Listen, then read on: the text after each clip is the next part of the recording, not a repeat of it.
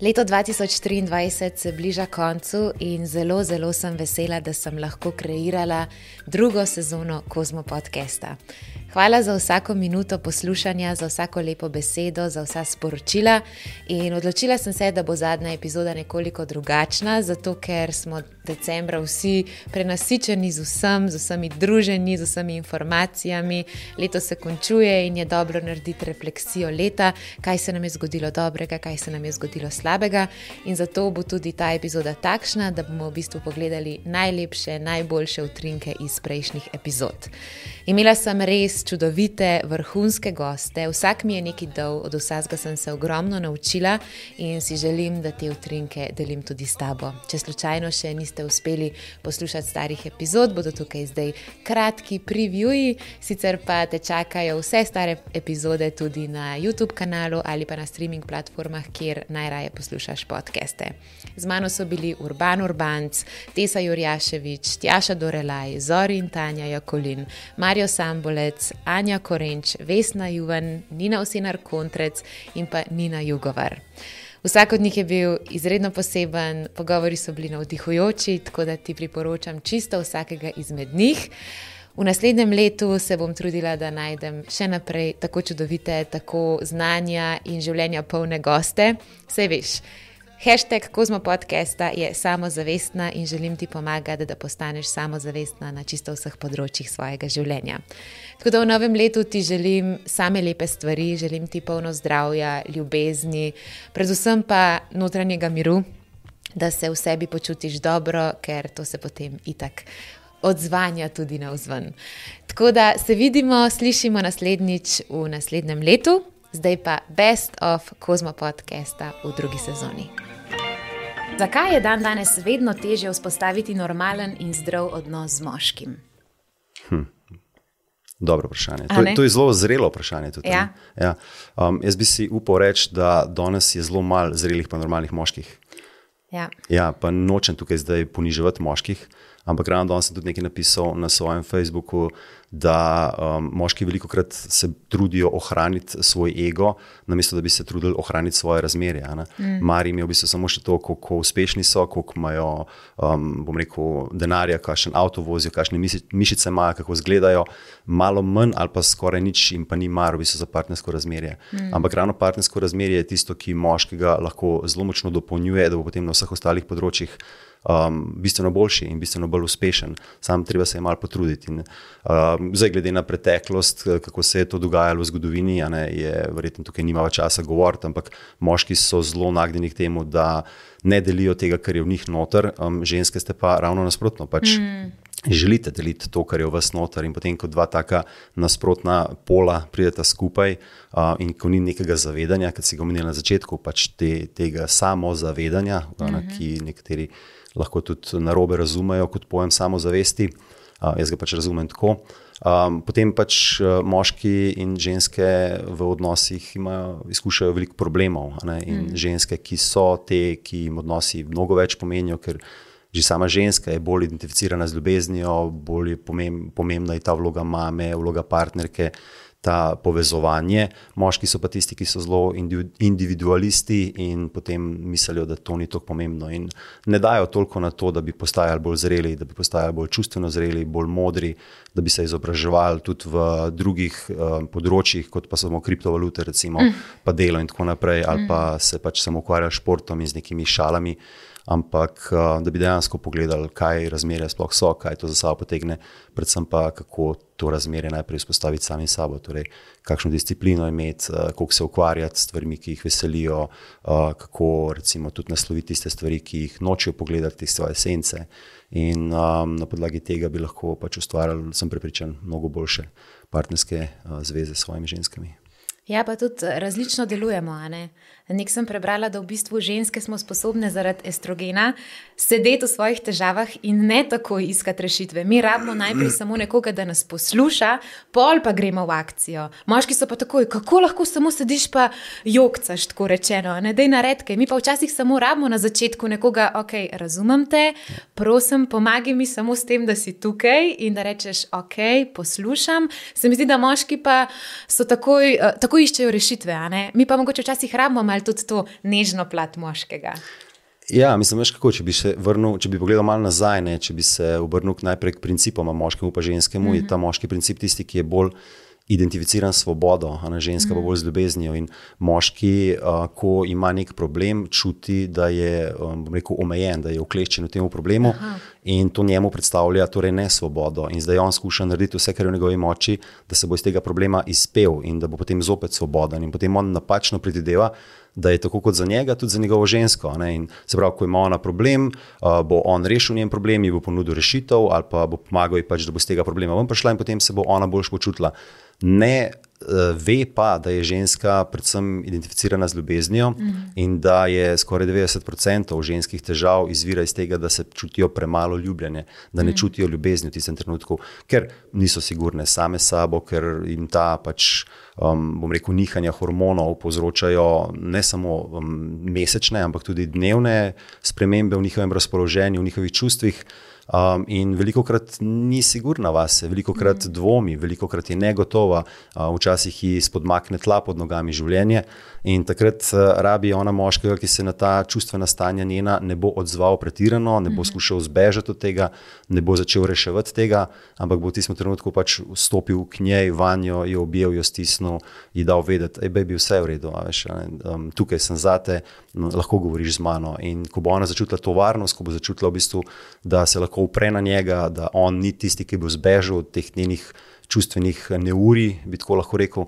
Takrat uh, bo tudi ona bolj, bolj zaupala, in jaz verjamem, da ženske ste tako močne, da boste same znale velikrat rešiti probleme, da rabite samo nekoga, ki vam drži prostor v tistem trenutku, da zopet dobite to gotovost vase, to samozavest in se pač problemi sami po sebi velikrat potem tudi rešijo.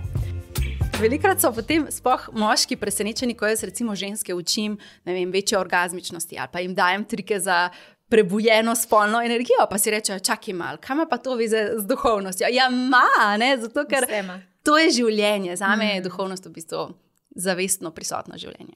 In se ne rabiš zaradi tega, ker si duhoven odpovedati vsem drugim aspektom življenja. Seveda, v bistvu postanejo še bolj bogati. Mm. Ko enkrat si v stiku sam s sabo in v bistvu to, v totalni vibracijski skladnosti s tem, kdo ti si, potem si magnet mm -hmm. in potem manifestiraš, potem kreiraš obilje in potem ugotoviš, da ne potrebuješ biti v pomankanju kakršne koli vrste, zato ker ti je vse na voljo.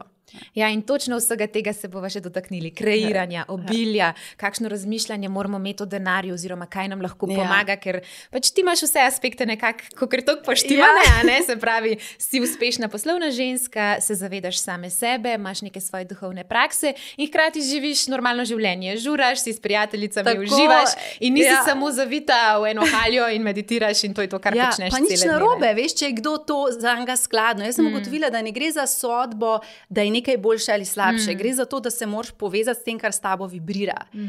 In a, vsi, ki poslušajo, očitno vibrirajo z energijo tega podcasta, zato mm -hmm. jih to prikliče, zato to poslušajo.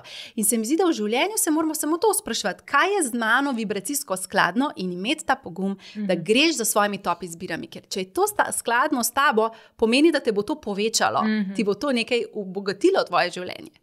Ja, recimo, ti si že zelo daleč na tej poti. Ja, ja, Samo, kar gledaš, ne? ja, vedno je še. Ja, itak, vedno lahko še napredujemo. Ja. Ampak, recimo, verjamem pa, da to marsikatera punca ali pa tudi moški posluša, ki je pa čist na začetku, uh mhm. -huh. ki pa nima energije, ni zadovoljna s svojo službo, je v slabem odnosu, tako ne vem, sama s sabo, s partnerjem, z družino, s prijateljicami ali pa mogoče na enem področju ja. tega. In kako pa sploh začeti z neko, pa ne bom rekla osebnostno rastjo, tega, ker ta pojem je zdaj malce komercializiran in se mi zdi, da ga vsak, ki ima pet minut časa, malo izkoristi mm -hmm. za mhm. nek marketinški trik. Ne? Ampak kako dejansko najdete ta stik sama s sabo? Recimo, meni je pomagala meditacija mm -hmm. in od mhm. takrat naprej se mi je dejansko vse spremenil, zaradi tega, ker ti v tem tempu non-stop samo hitiš in nekako se. Um, se predajaš toku, ki pa mm. ni mogoče čisto tvoj. In zdaj, ja. kako pa nekdo, ki še ni meditiral, ki se še ni podal na nobeno duhovno pot, ki še nič ne ve o sebi in kaj si v resnici sploh želi, in je nezadovoljna, mm. nezadovoljna sama sabo, kaj bi ti predlagala kot nek prvi korak? Je absolutno meditacija, ne? to, kot si že sama omenila. Zaradi tega, ker kaj v bistvu moramo narediti. Mi smo naprogramirani tako, da vse čas živimo od kože na ven, se pravi, mm. zunaj sebe, po programih tega, kar so ti doma rekli. Tako je prav, tako je ni prav. V šoli so to rekli, tam je to tako rekel. Gledaš filme, poslušaš pesmi in pobiraš informacije iz zunanjega sveta, kako je prav živeti življenje ampak nihče ni ti. Mm -hmm. Nihče ne ve, razen ti. In kar moramo narediti, je vzpostaviti duhovno prakso, da pridemo noter, da začnemo slišati. Ker velikrat potem mi reče, ampak ja, še jaz ne vem, kaj si želim, jaz ne vem, kako naj do tega, kar si želim, pridem. Je seveda ne zaradi tega, ker je naš fokus na ven. Mm prva stvar, začni obračati fokus na vznoter. In seveda, če si ti 90 let živela izven sebe, ne boš v enem dnevu prišla not, pa se zavedala svojega poslanstva, pa kreirala z lahkotnostjo, ja. pa ustvarjala božanskega partnerstva in svete spolnosti. To je proces, življenje je proces in v bistvu. Jaz vedno rečem, da je tvoja duša prihajala na, to, na ta planet in rekla: O, oh, ful, dober, jaz grem zdaj v ta Luna park doživeti, ful, fajn, si se zmenil z drugimi dušami, daj ti prid, pa mi daj to lekcijo, daj ti prid, pa bom jaz te dala to lekcijo. In potem buf, padaš dol. Mm -hmm. In potem se te zdi, oh, kako je življenje težko, kako je vse naporno. Zakaj mora biti lihijo še to? ja, ampak v bistvu za tvojo dušo je to Luna park doživeti, mm. je to o oh, super, to bom izmojstrila, tega se bom naučila. In v bistvu na koncu dneva samo drug drugega pospremljamo nazaj domov in to mm. je k mm. sebi. In v bistvu to življenje je samo eno od življenj naše duše, kjer so nam dana izkustva, doživetja. In v bistvu vse, kar se ti zdaj dogaja, tudi to, da živiš zunaj sebe. V redu je, očitno je del tvoje dušne poti, da se v tem življenju vrneš nazaj k sebi. Mm. In kako je nekako sprogramiran cel ta naš življenjski koncept, je, da v življenju se ti bodo vedno zgodile situacije, ki bodo tebe tako malo podrezale, hej, kje si, da pet nazaj, da pet nazaj, ker v bistvu višja zavest želi, da si ti v stiku sama s sabo, ker samo na tak način lahko ti živiš svoje poslanstvo, lahko doprinašaš v svet. Ne, in v bistvu ne se obsojati, če si zašla, ne se obsojati, če imaš en težek odnos. V redu je, očitno je to tvoja duša mm. potrebovala, zdaj pa samo, kako lahko pridem nazaj, vsak dan se vračati nazaj. In to je za me osebno najmočnejša praksa, je absolutno meditacija. Zelo lepo je tudi napisano v knjigi, ko rečeš, da imaš vedno, ko delaš izbiro, dve možnosti. Ali izbereš strah ali izbereš ljubezen. Ja. In mi se mi zdi, da smo včasih zelo vstopali, pa ne samo v partnerske odnose, ampak tudi v službe. Uh, ne vem, smo se preselili iz nekega strahu. Ne? Ti si rajš ostal doma pri starših, ker te je bilo strah, joj, um, najmnine so drage, ne vem, če bom lahko sfural, sfurala. Recimo, ostal si v partnerskem odnosu, joj, ampak jaz ne znam biti sama, zakaj, mm. zakaj bi šla šla, a ne to je lažje, kljub temu, da vem, da to ni za me. Pa recimo služba, joj, ampak to so redni prihodki, biti recimo SP, to je pa neredno, to pa nikoli ne veš, kaj bo, to je pa vrtiljak. In pri meni je bilo vedno tako, da kljub temu, da sem čutila, da jaz si želim več, jaz si želim boljše, jaz si želim nekaj, kar je bolj za me, sem, sem doživela tako v enem takem strahu, kljub temu, da sem se recimo že zgodaj mhm. odcepila, pa vse, ampak sploh mogoče, kar se tiče tudi službe in takih stvari. Vidim zdaj razliko, ker sem par stvari opustila, pa zamenjala, pa začela iti res v svojo top izbiro, kot ti rečeš, ja. da se potem priložnosti kar. Nekako pojavljajo. Ja. In tukaj bi se pa rada tudi dotaknila obilja. Ker mislim, da imamo sploh slovenci en tak love hate, oziroma sploh ne vem, kako bi to prevedla, odnos z denarjem. Ja.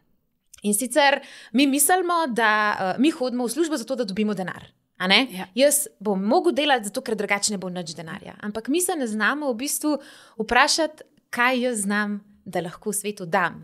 To pa ti ja. zelo lepo razložiš v tej ja. knjigi. Ja, bi povedala še malo več. Ja, seveda. Najprej se dotakniva poguma in top izbir. Uh mhm. -huh. Se pravi, v življenju vedno ko izbereš, se zgodi posledica. Se pravi, ko ti izbereš nekaj, se odprejo vrata.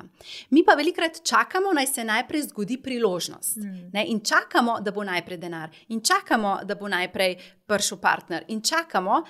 Ne zavedamo pa se, da če ti čakaš, ti nobene energije tega ne daješ v polje. Se pravi, s tem, ko pa ti izbereš, jaz bom to naredil in narediš korake proti temu, se tebi začnejo vrata tam odpirati. Zato je pomembno imeti ta pogum. Pa ne sem čakati, ker um, ne, zemljski um je tako, ok, ne vidim, ne vidim, ne vidim, odkje bo vir obilja prišel, ne vidim, odkje bo partner prišel, ne vidim. Pa se ne rabiš ti videti. Ti se rabiš vseeno predati in skočiti skale dol v morje in reči, lej, grem.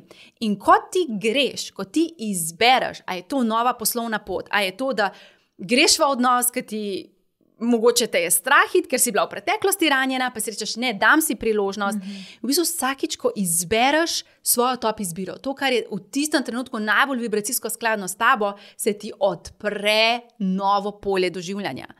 In sama, lej, ko sem jaz začela kanalizirati, jaz sem takrat ravno doštudirala marketing in mene so vabili. Imela sem opcije za službo. Ampak jaz sem vedela, da to ni moja top izbira. Mm -hmm. Jaz sem vedela, da moje poslanstvo je kanalizirati. Hmm. Veš, koliko ljudi mi je takrat reklo, da je tjaša. To je malce čudno, to je neutepljivo. Ljudje te bo imeli za čudno, kaj se boš tem ukvarjal, s tem ne moš ti služiti uh, denarja. Meni se takrat sploh ni šlo za služenje denarja. Meni je bilo tako, to je moje poslanstvo. Jaz rabim biti v tem poklicu, zato ker sem poklicana za to, da to počnem. In sem delala druga dela, zato da sem lahko suportirala to moje delo na začetku, ker enostavno se na začetku, seveda, nobeden ja. ne, ne ve zate. Ampak zadej, energija zadej ni bila to bo posel. Energija zadej je, jaz imam ta dar, lahko prinesem jasnost, to, to moram jaz dati svetu. Ker enostavno čutiš tako močno silo, da si prišel s tem namenom. In jaz sem bila pogumna in verjemi. Enkrat moram prav povedati, organizirala sem meditacijo za moške. Uh. In prijavil se je samo en moški. In jaz sem poklicala mojega očeta, mojega bratranca, moje prijatelje moške in sem jim rekla: Lepo prosim, pridite na ta dogodek. Jaz bom speljala dogodek tudi samo za tega moškega, ampak bo mal neroden, če bo on sam tam. Mhm. -huh. In vsi moji prijatelji in družinski člani so seveda prišli, ker sem hotel podpreti. In potem pridemo tja, in tega moškega, ki je bil prijavljen na meditacijo, ni bilo. A res. In jaz sem vseeno speljala meditacijo. In kar jaz vidim zdaj v svetu, je, da ko bom imela pa toliko sledilcev, potem bom pa jaz to naredila. Ko se bo pa toliko ljudi prijavilo na mojo delavnico, mm. potem bom pa to. Ne, da jajca, pa jajčnike na mizo, pa pet all in, cel, cel pojdi noter, tudi če zdaj nobenega ni. Mm -hmm. In jaz sem vedela že takrat, jaz sem čutila, moja duša je prišla dosegati množice. Ampak, lej, takrat je bila ena oseba, pa, pa še tista ni prišla. Ampak jaz sem se predala tej poti, tega, ker sem izbrala, tudi če zunaj še ni realnosti take, se jo moram še skrirati. Mm. Ampak kako jo bom skrirala, če se jaz ne bom vsak dan predajala? In tukaj vidim, da velikrat obupamo, ker hočemo takojšnje rezultate. Ja. Ni takojšnjih rezultatov, samo neka notranja sila je, ki te vleče. Zdaj pa, če ti delaš nekaj, kar je in pa trendovsko, pa to ni tvoj izraz duše, logično, da ne bo motivacije, da ti bo motivacija denar, da ti bo motivacija število všečkov. Ampak, ko se ti res zreš vase in začutiš, kaj, kaj je tukaj v meni, kar jaz želim dati ven, in stopaš na to pot je motivacija ne zunanja, ampak je notranja. In enostavno to delaš zato, ker veš, da moraš to delati zaradi sebe. Mm -hmm. In v bistvu začneš delati to, začneš dajati v svet, in je potem ena oseba, in druga oseba, in tretja oseba. In potem, poglej, zdaj imam razprodane dvorane, po tisoč več tisoč ljudi pride na dogodek. In zdaj si rečem, hvala Bogu, da sem imela pogum in to let nazaj, zdaj že več 12-13 let, si rekla, da tudi če me bodo imeli začutno, jaz moram slediti temu. In v bistvu potem pride obilje, in potem pride uspeh, in potem pridejo vse prepoznave. Ampak na tej točki pa tega sploh več ne rabiš, ne rabiš yeah. Ja. več prepoznave, zato mm. ker si mm. ti to delo zaradi sebe. In zato je pomembno, da sledimo svojim top izbiram, tudi če jih okolica ne razume. Se jih ni njihova duša prišla v telesat, ti si jih prišel v telesat, zato ti to tako močno čutiš. In v bistvu, kar se tiče denarja, na robe razumemo denar. Mhm. In sicer mi, kot si rekla, hodimo v službo, zato da zaslužimo, zato da bomo pa živeli življenje, ki se zgodi po službi. Se pravi, čakaš na vikend, čakaš na popoldneve, na robe. Zato ker, in to se zdaj dogaja v svetu, ena tako močna, zelo močen dvig zavesti. Planet Zemlja gre iz tretje dimenzije v peto dimenzijo, kar pomeni, da gremo iz tega preživetja, iz tega strahu, se pozigujemo v ljubezen. In je vprašanje, kdo sem jaz in kaj jaz lahko dam svetu. In ko začneš dajati svetu, se ti vrača ne samo denar, blagoslovi, številni blagoslovi. Zakaj? Zato, ker vesolje ti reče, da ne moramo ti dati denarja zato, ker delaš nekaj, kar ni s tabo skladno. Ker če ti damo zdaj denar, ne, potem boš ti še naprej počela to, ampak ti se izčrpavaš, pa zbolela boš, pa ni v redu to zate. Zato oprosti, ne bomo te nagradili. In v bistvu mi mislimo, moram še več delati, moram še več. Ne, ti se moraš samo vprašati po tvoji vibracijski skladnosti, katera služba, katero delo je z mano skladno. In lahko, da se to spremenja. Mm -hmm. In čez nekaj let ugotoviš, ali pa čez dva meseca ugotoviš, ojoj, to ni to, gremo to. Dej si to, vse življenje je namenjeno doživetjem. Ampak bistveno je, da se zavedaš, da obilje, denar, blagostanje, karkoli je samo posledica pretoka energije. Ko ti daješ to, za kar si tukaj, ko ti svobodno deliš sebe. Bo avtomatsko veselje reklo, ja, je pa končno počne to, za kar je bila namenjena, ali pa bi je bil namenjen, dajmo ga podpreti. Mm.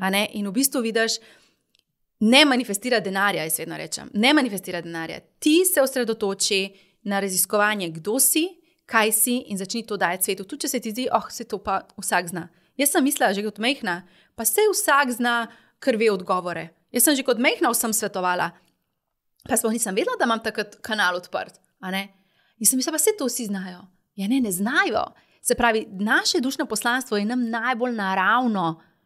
Zakaj je to tako narejeno? Ja, zaradi tega, zato, da ti najbolj uživaš in da se imaš ti najbolj fajn, ko to počneš. Če ti trpiš, ko delaš neko delo, to ni tvoje poslanstvo. Zdaj, kako se ti lotiš na začetku, pa eni punci, ki še nima pojma, kako se zgodi osebni stil, mogoče niti ne ve, kam se obrniti, niti nima neke inspiracije, ne ve, kaj je njen stil. Če bi eno totalno začetnico spoznala, kaj bi svetovala? Ok, zdaj si, zdaj si nekaj stvari povedala, da se zdaj malo skoncentriram. Um, ja, okay, da mogoče najprej, da se vrnem k tem delavnicam. Um, jaz sem res začela v bistvu zdaj te uh, delavnice, style klase, ki jih uh mhm. -huh. naredimo vsake tok točno iz tega, kar si uh, ti zdaj povedala. Um, ker jaz imam tudi v bistvu okoli sebe veliko prijateljev, uh, ki v bistvu ne poslušam samo to, kako nimam nad za obleč. Mm -hmm. In kako imam, ja, imam milijon stvari, pa ne vem, kaj bi oblekla in tako naprej. Tako da, ja, um, ko dobim jaz v roke eno tako uh, začetnico, oziroma nekoga, ki si želi uh, ne, na novo zgraditi svojo omaro, seveda začneva že pri obstoječi omari. Mm -hmm. um, se mi zdi, da je zelo pomembno, da ne glede na to, ali želimo zdaj uh, na novo graditi omaro, kako ampak da delamo skozi neke čistke omare. Mm. Uh, to se mi zdi že zaradi tega, ker nekako, da si naprej narediš eno tako dobro strukturo, pa da res dobro ne postaviš neke osnove. Je ključno to, da sploh veš, kaj imaš v omari ja. in iz česa pač potem gradiš naprej. Uh, Tako da to je prva stvar, uh, se pravi, da vidiva, kaj je v omari ne, in če se je preveč, um, če se manjka.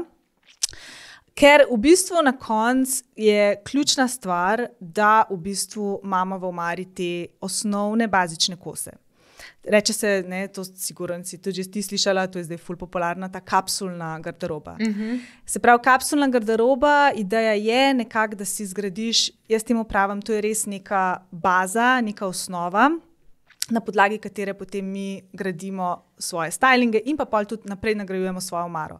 Ampak, ne, če nimaš dobrih temeljev, pol težko uh, gradiš karkoli naprej. Mm -hmm. In kapsulna garderoba je dejansko ta naš temelj. Se pravi, kapsulna garderoba, kapsulna garderoba je. Zdaj, ne, tudi če malo to googlamo, pa tako imaš potem različne definicije, koliko dejansko kosov je, ampak to so dejansko ti ključni in bazični kosi od uh, rečemo, recimo, vem, črn blazer, bel t-shirt, dober jeans, uh, črne hlače, um, trenč plašč. Ne? Se pravi, to so res te večna klasika, mm -hmm. ki nikoli ne bodo šli iz mode. Um, in ki jih v bistvu že v resnici lahko kombiniramo med seboj, ker vsi pašajo ne, drug skupaj, z drugim, yeah. Ja. pašajo skupaj. Tako. In seveda v te kose, kot si tudi ti že prej načela, je seveda smiselno vložiti mečkam več denarja. Um, ker jaz tudi tako, no, jaz mislim, da naša umara ne bi bila razdeljena, uh, tako rečemo, 70-30. 70, zdaj sem tako malo bolj uradno zvenim, ampak ne, ampak tako. Až kot je tudi, recimo, kar pri prehrani. Ne? Zdaj smo mm. ful poslušali ta 80-20, se pravi, 80 mm. si kao pride, ne 20% pa, pa grešiš. Grešiš, čeprav meni tudi to ni čisto všeč, ne, smo, ampak ok. Ne? In podobno je tudi pri našem stilu, oziroma pri naši umari. Se pravi, recimo temu približno 70 ne, procentov ne bi bila ta osnovna kapsulna garderoba.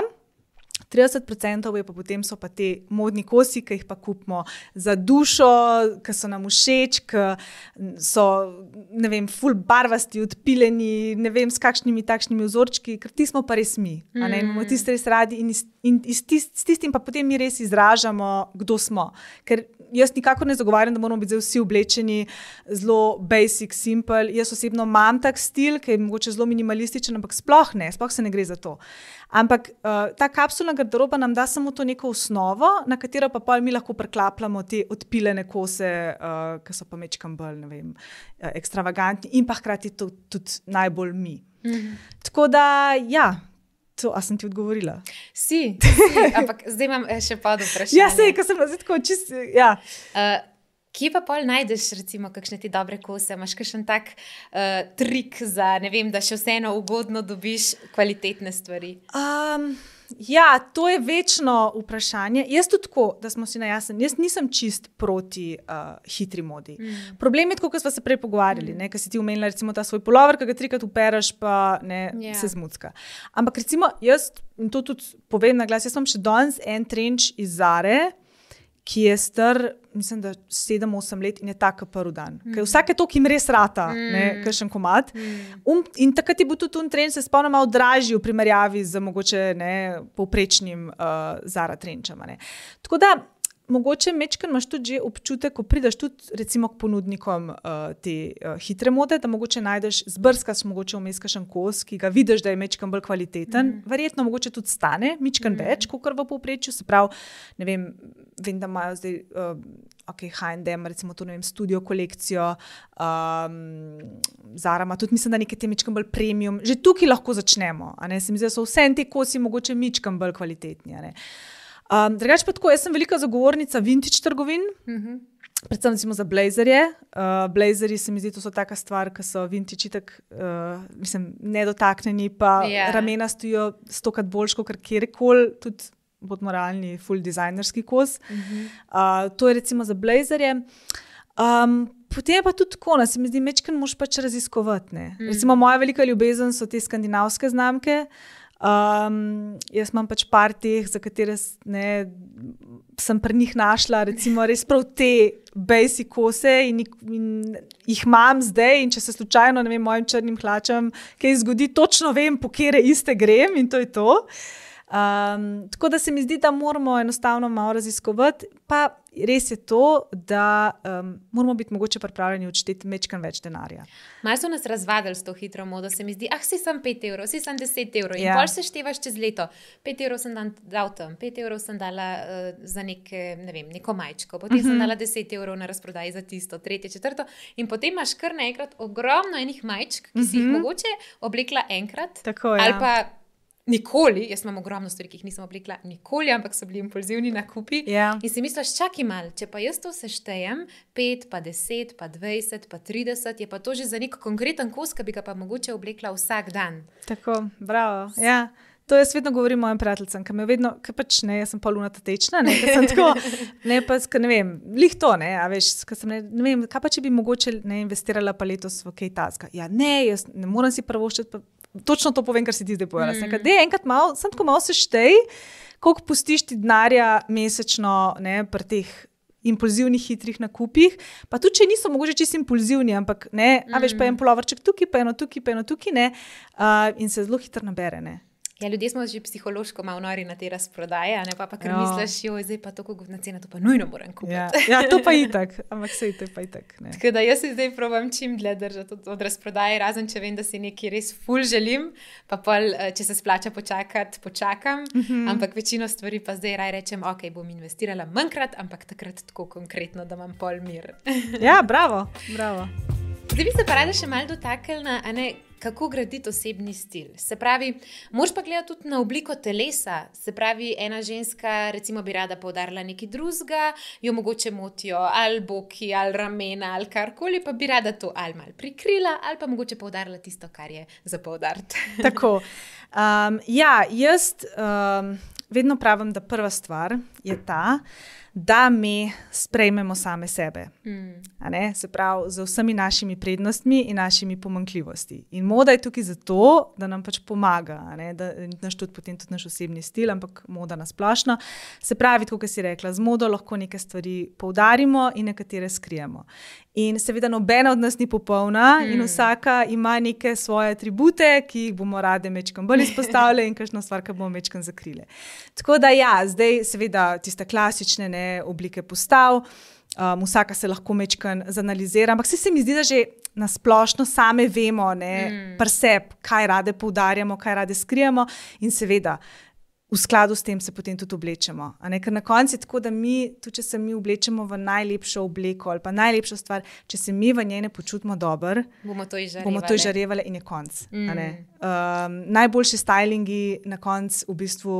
So tisti stylingi, v katerih se mi res počutimo samozavestne um, in v katerih se res dobro počutimo. Mm. Tako da, um, ja, torej, definitivno pač mečkam se samo zanalizirati, ne preveč kritično, ampak lih prav kritično, da veš, ne, kje so uh, te zadeve, kot smo rekli, ki hočeš poudariti skrit. Um, In to je pač se pravi, postava, mogoče tudi to zdaj, tako zelo tehnično. A veš, recimo, um, kakšno imaš pot, se pravi, kje barve ti mogoče mm. mečkam bolj pristajajo. Um, tako, tak, to so zelo ti tehnične, uh, ti tehnični aspekti, no, kar se tiče uh, sestavljanja stylingov. Um, pa je pa tudi v bistvu osebnostno. Ne? Uh, se pravi, kakšna si, ne, kakšna si po osebnosti. Uh, meni se zdi ta zelo dober uh, koncept, ki ga je razvila, uh, se pravi, dizajnerka oziroma ustanoviteljica znamke Tibi, moja velika ikona in jaz sem res full rada, se moje sledilke to vejo. Uh, ona je zelo dobro v bistvu postavila to idejo, da ti sam sebe definiraš z tremi pridevniki. Uh mhm. -huh. In na podlagi potem teh treh pridevnikov, potem v bistvu lahko gradiš svoj stil. Um, in izhajaš potem, recimo, ne vem, jaz, to smo se tudi na Stalklesu pogovarjali. Recimo, jaz zase konkretno um, sem rekla, da sem v bistvu um, minimalistična, ampak to zdaj. Pri meni je to tako mogoče malo bolj tako izpadem, ampak ne minimalistična, zdaj direktno na stil, ampak na splošno sem v življenju tako.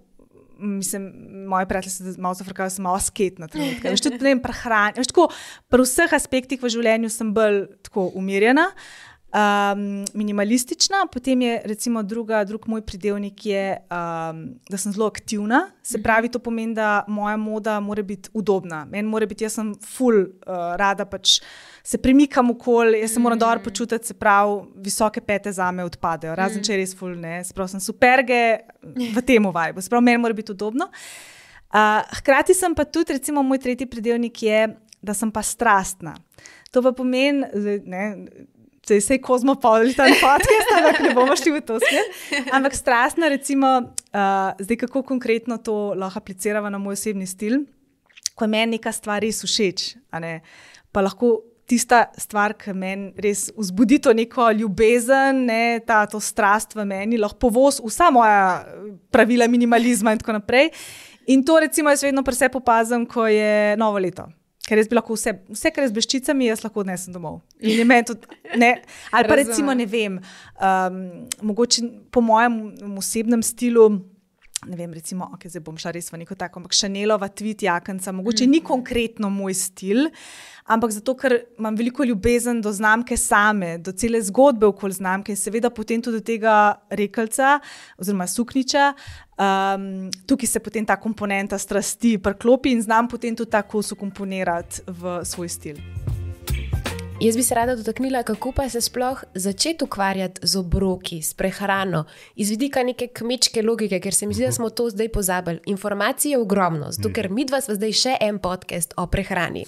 Ampak nikjer pa ni mogoče neke take kmečke logike, kaj zdaj narediti, kako organizirati obrok, da bo za me dober, hranilen, da me bo dejansko nasitil in da ne bom potem čez eno uro že po nekih snekih repenila. Omenila si kmečko logiko, pa bi opozoril ali pa opomnil na bistvo, kaj v zadju to sploh pomeni. Če hočemo karkoli posaditi, žet, če hočemo karkoli um, prešparati, recimo, da je to denar ali pa s čimer se želimo ukvarjati, da ne govorim samo o prehrani, ampak uporabim neko prispodobo. ko razmišljamo o tem, da bi želel recimo nekaj prešparati, potem razmišljamo o tem, ok, to je moj cilj, kaj moram za to narediti, kakšen je sploh moj budžet, koliko imam za nameniti, koliko mm. nekaj stane.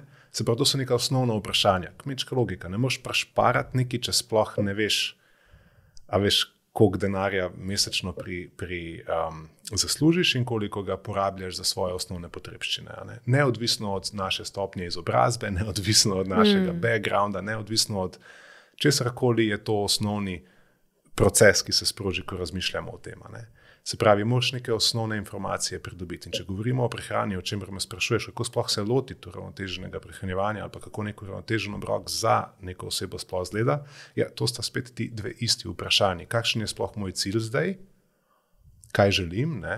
Zdaj, če se malo pošalim, ko se pogovarjam, z, zdaj generaliziram, ne bi želel, da izpade to, da mislim, da za vse velja. Ampak veliko krat ženske imajo samo dve nastavitvi. Prva je shujšati. Um, ne, ker če ne hujšajo, imajo pa slabo vest, ker ne hujšajo. Mm. To sta ti dve nastavitvi. Ne. In je ta nek diet culture, ta kultura dietiranja tako močno prisotna, da je to v resnici, tudi če ni za res, njihov cilj. Prepričali so se, ali pa ste se, da je to vaš cilj. In če popraskamo malo globje, ugotovimo, da je morda resničen cilj nekaj drugega. Ampak, kot da bi mi bilo bed, da je to moj cilj in ne hujšanje, ker hujšanje je trenutno najpomembnejši cilj v tem času in prostoru. Mm.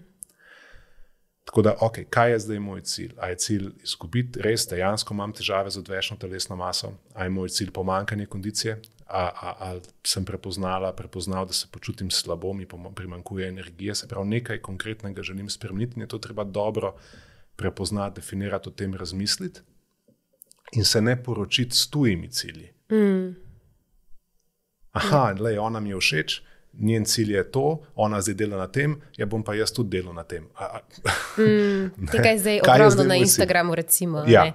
Ne, se pravi, ta čist, a veš, izklopiš Eh, sebe. Razmislek. Mm. Danes je pač razmišljanje v bistvu odvečna dejavnost. Ja. Ker je lažje slediti, kot razmišljati. Ja. Um, tako da to je prva stvar, in druga stvar je, ok, se pravi, eno je, kakšen je moj cilj, drugo je pa, zdaj, koliko me ta cilj v resnici stane, kaj je za ta cilj potrebno narediti, mm -hmm. kaj moram vedeti, kaj zahteva od mene. Če govorimo zdaj o tisti, tisti prispodobi s šparanjem denarja, recimo, da želim prihraniti nekaj denarja, ok, se pravi, rabim dve osnovni informaciji, koliko me moj življenjski slog stane in koliko denarja sploh mesečno. Ne se pravi, rabim neko osnovno bilanco. Uh mhm. -huh. No, pri prehrani večina ljudi tega, kar je mi recimo na tem področju, uporabil sem to področje, ker je večina ljudi blizu, razume ta jezik. Uh mhm. -huh. Tukaj mi je to popolnoma logično. Zanimivo je, da pri razmišljanju o ravnoteženi prehrani ne poznajo teh odgovorov. Kakšen je moj cilj? Videla si že, kle se pogosto zataknemo, ker so cilji danes izjemno površni. To se lahko zelo hitro prepozna, tako da samo postaviš dve ali pa tri pod vprašanja, zakaj. Kaj je tvoj cilj? Želim shujšati. Zakaj? Uh. Ker vsi hujšajo, ker moje frendice hujšajo, ker pač je hujšanje tema, ki jo je pač vse posod, kar spremljam. Ok, pa zakaj ti hočeš hujšati? zato ker imam preveč kilogramov. Zakaj misliš, da imaš preveč kilogramov? Ker živim v okolju, kjer veš, se pravi, mm. imamo težavo z definiranjem ciljev. Se pravi, sploh da pridem bližje, malo rabim tukaj nameniti nekaj časa. Potem pa spet, kaj to od mene zahteva in kaj moram za to vedeti. Če smo govorili pred denarjem o tem, da razumem, kakšen je moj income, pa kakšen je moj nek, um, neke navade potrošnje, ok, pa da je to preneseno na prehrano, koliko energije sploh vnašam jaz svojo prehrano, koliko energije sploh potrebujem v podporo svoje telesne dejavnosti, v podporo svojem življenjskem slogu, koliko sploh potrebujem ključnih hranil. Še iz gospodinstva v osnovni šoli vemo, da obstajajo beljakovine, obstajajo ugljikovi hidrati, obstajajo maščobe. A sploh vem, kakšne so moje potrebe po teh ključnih gradnikih. A sploh vem, kje v prehrani se ti nahajajo, katera živila so najboljši viri tega. Ne govorimo o tem, da postaneš doktor prehrane, ne govorimo o tem, da bereš strokovne članke, ne govorimo o tem, da moraš zdaj postati nutricionist, da lahko razumeš svojo prehrano. Tako kot ne rabiš postati ekonomist ali pa finančni svetovalec, da lahko uravnaš svoj budžet. Govorimo samo o tem osnovnem, mm -hmm. da sploh razumem, pa bom uporabil drugo prispodobo, če je mogoče komu bližje. Ker avto furam, koliko tankam, kdaj ga moram približno servisirati, pa gre noter benzin ali dizel ali štrom. Ne rabim vedeti, kako mašina deluje, ne rabim vedeti, kako so ga skrb sestavili, ne rabim sam menjati svojih avsplohov, ki padejo dol, vse to je stvar ne, koga drugega, ampak moram razumeti vsaj približno, kdaj ga moram pelati. In tukaj imamo ta isti problem. Ljudje danes, bom s tem zaključil to mogoče ful predolgo misel, nimajo pojma, koliko energije sploh vnašajo s prehrano, koliko je potrebujejo, koliko energije sploh, kakšna, recimo, pred nami imamo zdaj granolo. Se pravi, če vzamem recimo dve, tri pesti tega, kaj sploh to zdaj pomeni, kaj sem naredil, kaj sem unesel. In pa valjda, kaj nastopi takrat, ko nimaš pojma, kaj počneš. Slaba vest. Mm -hmm. Slaba vest je pač posledica tega. Je, yeah. Ja. In to se zgodi, ker ne vem, kaj to zdaj za me pomeni. Potem, če to pojem, imam slabo vest. Recimo, ne, dam konkreten primer, ki se pogosto dogaja pri ljudeh. Imajo skozi neko slabo vest. Karkoli počnejo, ja. imajo neko slabo vest. Tako da, da, da, da odgovorim, da se vrnem nazaj, nazaj na začetek, kako bi se tega lotil po kmečki, neki pameti. Ne? Okay. Kakšen je zares moj cilj? Ampak zares, zares. Ja. in, in Ali sploh imamo osnovno razumevanje o tem, kaj je potrebno za nas storiti? Ali je za me ta cilj realen? Ali sploh imam razumevanje o tem, koliko energije v moje prehrani, um, koliko je uživam, koliko je vnašam, kaj sploh je kaj, koliko je rabim?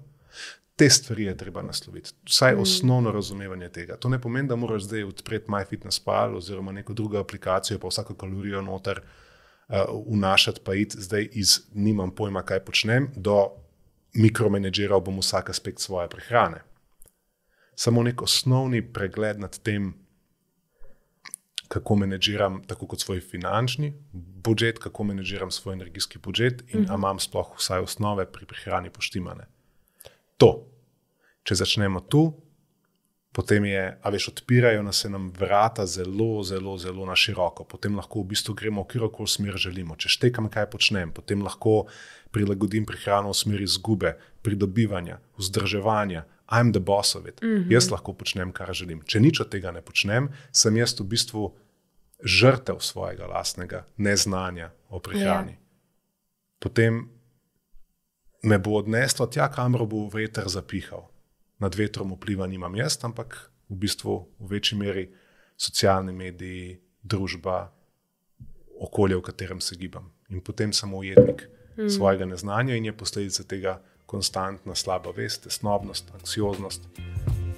Realno je moja krivda, ker sem bila v avtu, ker sem šla.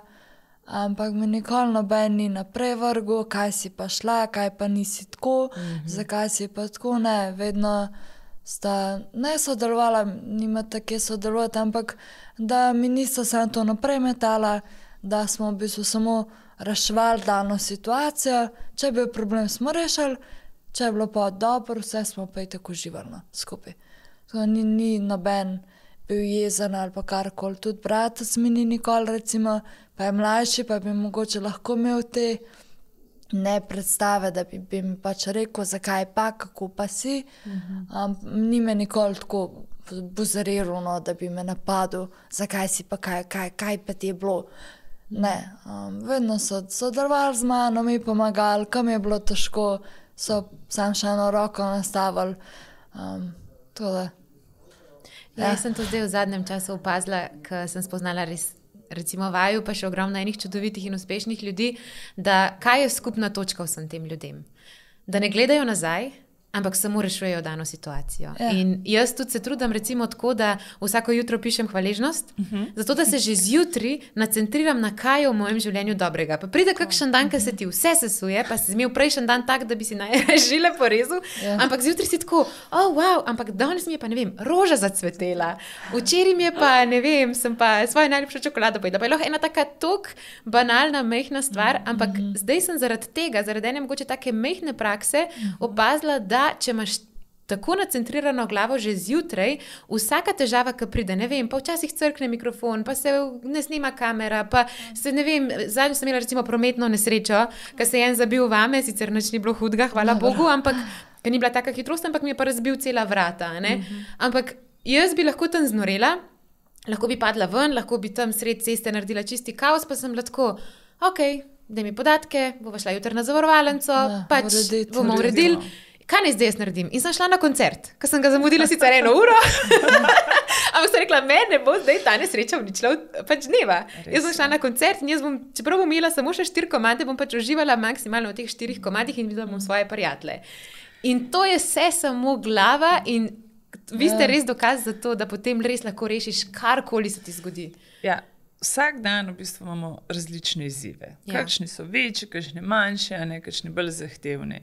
In potem tudi prideš, nažalost, no, mi smo pač res do življenjskih preizkušenj. In se mi zdi, da če z, z vsakodnevnimi mehkimi izzivi to premaguješ pozitivno in se ne pustiš čisto v vsakem trenutku, ok, se spotaknemo, ampak ni treba, da pademo na, mm. na, na, na čisto vsakem koraku.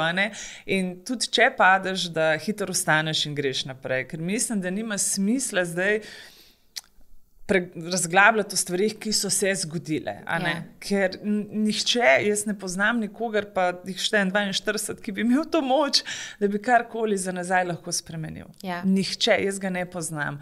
Uh, kaj pa lahko danes, ta trenutek in jutri naredimo? Mhm. Ja, Imamo pa vsi to, to moč in ta vpliv. In se mi zdi res škoda, da ljudje se tega ne zavedamo, da ne prepoznajo teh priložnosti. Velikrat mi rečejo, kako si to rekla. Ne? Jaz vedno rečem, da pač, ko je Tanja preživela, da je bilo to čudno zapakirano darilo, ker je ostala živa. Mm. Jaz sem res hvaležna. Ker smo imeli v bistvu to pot in da lahko nadaljujemo, ne, joj, kaj se mi je zgodilo. Ja, se je kriza, ne, ampak, veš, mi smo imeli material, mi smo lahko delali naprej. Kaj, če ja. tega ne bi bilo? Ja. Kaj bi pola? Mm. Tako smo pa lahko. In ja, seveda sem bila hvaležna za vsak dan trenutek, za vsak premik, za vsak milimeter, ki se je zgodil. Mm. Ja, potrpežljivost, pa vse se spomnim. Kot mehni punčki sem ne vedno delala, pika, pika, pikica, ti si lepa slikica, dolgo všesa, kratek vrat, po glavi si kosmat. In veš čas, ko je bila v kom, jaz sem se. Koreografijo, seveda. In jaz sem to ne veš čas delala, ne? tudi kaj spala, skozi pika, pika. Ne? In potem enkrat je samo dvignila tako le prst, oh. sem tako le. In jaz sem vedela, da ona ve, da bo, sem pač čez čas. Pa je trajalo eno leto, mogoče, ampak ja, je naredila. Mm. Tako in se mi zdi, da smo premalo pozorni na, na vse to, kar, kar nam kaže neke premike, da kar spregledamo in da. Mm pademo v neki trans in da nismo hvaležni in, in moramo biti. Ja. Jaz sem res hvaležna, da ne rabimo hoditi zdaj, vem, na takšne in takšne preglede, da, da ni, ni vse tako intenzivno, ne, da se lahko sama, da je samostojna, da ni na vozičku, da ni na berglah, da nima hojca. To so, mm. to so vse trenutke, ki jih moraš biti hvaležen, ne govoriti, joj, ne še pa na vozičku. Vse bo šlo. Mm. Demo, ne, res biti tudi za takšne stvari hvaležni. Moramo se naučiti tega. Ja, se, se no. strinjam. Tako, mislim, kaj lahko z mehkimi premiki narediš ja, v parih letih? Ja, to je tudi v bistvu ena tako velika lekcija. Jaz se spomnim trenutka, ko je Tanja začela hoditi in mi smo bili navdušeni. Ne, mi smo ne, pač, no, rekli, kaj se to sem počela že prej. Ja. Tako je bila, ne? Naravnana. Jaz nisem bila tako navdušena. No. to sem se hotela dotakniti tega, ker v bistvu ste rekli, da, um, že ko sem rekla tudi intervjuje, da ona v bistvu pol leta ni čustvovala sploh. Kako je to izgledalo? Ali lahko zvemo en primer? Perspektive, to je bilo kar noč pa dan. Jaz nisem mogla, nisem znala, nisem razumela. In ne vem, če je bila mama srečna, pa vesela. Nisem bila žalostna, sem samo tako prazna, da mi je ona šla na živce, zakaj je ona zato tako vesela. Ja, razumem. Tak nek, taka neka perspektiva se mi zdi. No. Drugače je to hudo. Ja, Nas, jaz sem slišala toliko enih besed, da me je že enkrat vprašal, a tebi ni nič bed, kot ti tako reče. Zakaj ne? Ker sem vedela, da je to proces zdravljenja. Pač S poudarkom, da sem bila prej zelo pridna in da valjda ni bila navajena. No. Ja, tako se mi zdi. Um, zdaj, ja, je bilo tudi grozno od mene, ne, ni bilo zdaj to, da sem jaz ubijala tam, ampak ni bila navajena in zaradi tega je bilo to še dodaten tok pritisk. Ni, ni, nisem tako slaba bila. Ampak ja. Vse si nisi mogla pomagati, to je proces. Ja. Ti moraš vedeti, da pač so se delci pretrgali v možganih in mm. to se je celil. Mm. In ona je imela v bistvu poškodovan ta frontalni del, ne, ki je čustvovanje, organiziranje, planiranje. In ona se je obnašala, veš, kot otroci rečejo, debel si, grci. Mm. Ona je bila brutalno iskrena. Spadala, da vse... nisem spoštovala v bistvu sebe.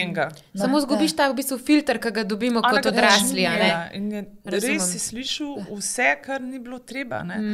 In če si pa še želel ji povedati, da to ni ok, si jih pa še dodatno slišal. Ne? Tako da to je bilo. Bran sem se pa znala. Tako da res zanimivo obdobje in tudi težko, da če mm. tega ne. Zaradi tega, ker so v bistvu v strahu, kaj če tako ostane. Ne? Ker mi v nobenem trenutku nismo imeli garancije v bistvu ali pa neke. Ja, upanje že, že da, da bomo danes, mm. kjer smo, ampak v tistem trenutku pa ti nisi videl. Nekaj ne? časa ni bilo napredka, oziroma se mi zdi, da to je bil en karakter moj in tak je bil. Mm -hmm. Nisem več boljšal. Rad se je, da si hiter, vse ne vem, fizično sem dost. Ne hiter, ampak če sem nekaj začela, sem tudi hiter napredovala, pa probala še neko drugo stvar. Um, pri tem karakterju je bil pa kar ena konstanta. Mm -hmm. Če mi ni bilo všeč, sem dala jasno vedeti. In so pač vsi mogli iti. Um, rada sem bila tudi sama. Kako se je pa ta klik zgodil, da si pa začela nazaj čustvovati, da si začela doživljati filter? Ni, ni, tega klika ni, ne zelo žal. Um, zelo počasi, počasi. je izveneval, se mi zdi. Poč ampak eh, ja. zelo počasi. pa se mi osebno, ne da se mi zdi, ampak da ni prav izvenelo popolnosti, ne imam uh -huh. še zdaj. Uh -huh. um, meni je, meni osebno, meni je boljš ker meni je vse en, meni me ne prizadene tako močno. Uh -huh. Jaz sem. Meni je super, ja, drugim drugi pa, pa ja. malo manj. Ja, drugi se drugi, pa pač ja. ne vajamo na novo ja. Italijo. Mogoče ta del je vedno tako, ko gledamo slike, tako vidimo. Aha, to je bilo še pred nesrečo. Po obrazu se mi pa prepoznajo, ja, to pa zanimivo. se. Drugače gledam. Kako pa je zdaj s prijatelji, pa so šolci, kako so pa oni to sprejeli, kako je bil ta proces? Zanimivo. Um, imela, to se bo čudno slišala, ampak imela sem jih prej res veliko prijateljev. To še treba, še malo osnovna, še srednja. Pa tako ne vem, jaz sem veliko žurala, rada sem ven hodila, rada sem bila v družbi. Tako da bi se ljubljena nasplošno sem poznala, smo se vedno družili, no, saj pa zdravili, ene par besed. Um, tako da potem, zaradi po mojem, še tudi toliko spremembe karakterja. Mm -hmm je pa to vse tako razvenel, kako bi se rekel. Je bil pa v bistvu še predtem problem zaradi Ferbsa, so pa vsi tudi pršali. Ja, in, um, to pa um, ljudje radi delamo. Ja, ja in sem pa jaz imela v bistvu dve nalogi, ki sem kar na mami dala, da je mogla prepoznati, kjer je pršel zaradi mene, kjer pa zaradi novice. Um, tako da pol v bistvu ne en teden se mi zdi, da so pač še prihajali, potem je pa tudi prekinila. To sem bila še nezavedna, to sem bila še v komi, da si pa prepovedala obiske, um, oziroma jih zelo zožala, torej na res te bližnje, ki jih je bilo pa res ene pet, šest. Še takrat na ne, dva sošolca, oziroma sošolka pa sošolc, pa še ne prijatelji iz morja. -hmm. ker smo um, v Savudri kampirali, oziroma pri okolici, tudi še tam sem imela, pa torej srednje, ne? tako, tako mhm. nekako. No.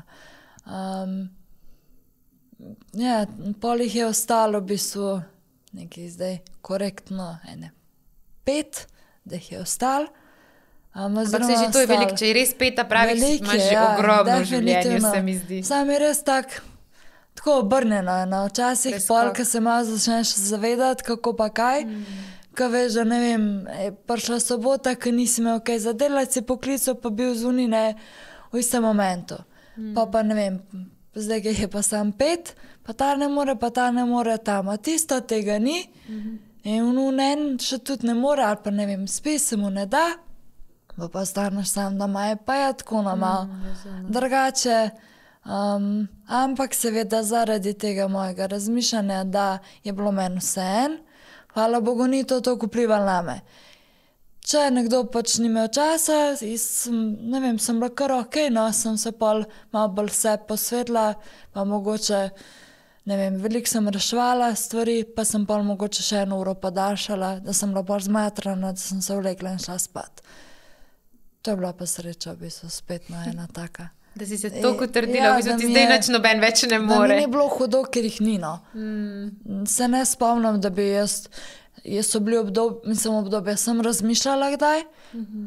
ampak ni pa, da bi jaz ne vem, kakšno sozo zdaj spustila ali pa da jaz ne bi mogla ne vem, razmišljati zaradi tega, da bi bila ful slabe volje. Ne, to pa niti ne. No.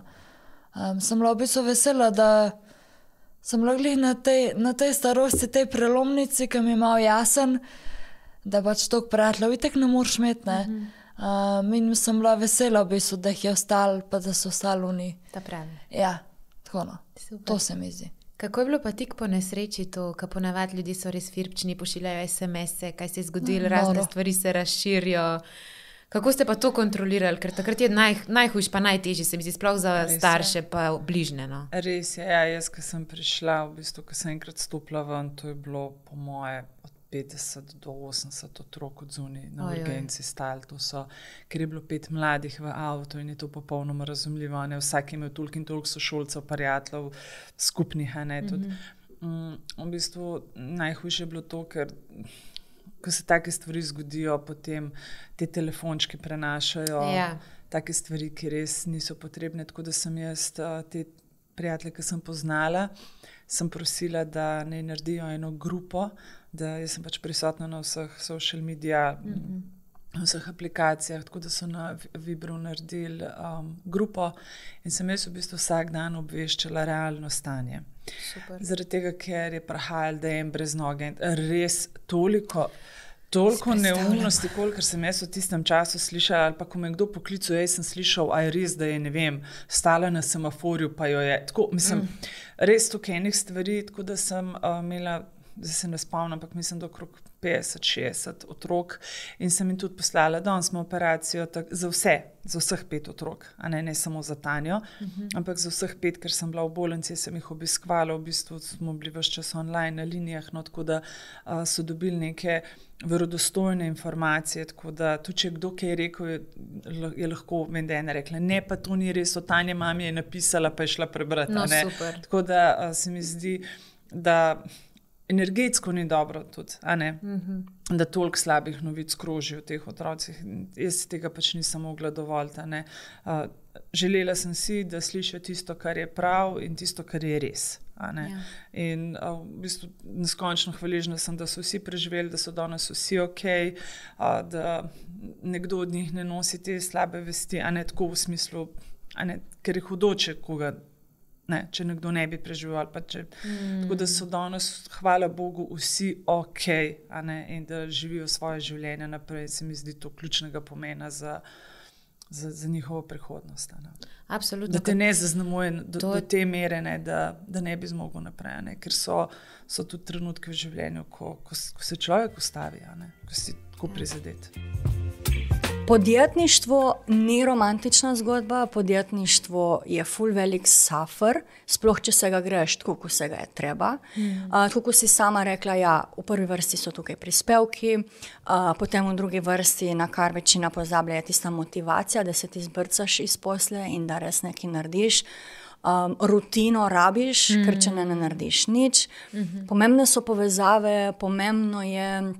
Recimo, nekateri mislijo, da ja, bom ustvaril svojo blagovno znamko. Eh, recimo, jaz kot oblikovalka bom ustvarila neko svojo blagovno znamko, znam blagovne znamke ustvarjati in bom sama pač naredila nekaj, zakaj bi vedno dajala nekomu drugemu. Ne?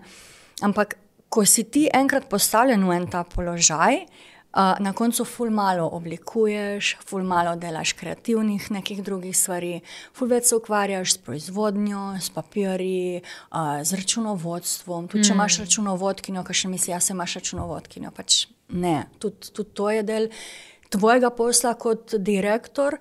Uh, ker če ti si pravi direktor in pravi podjetnik, moraš imeti nadzor nad svojimi financami. Mm -hmm.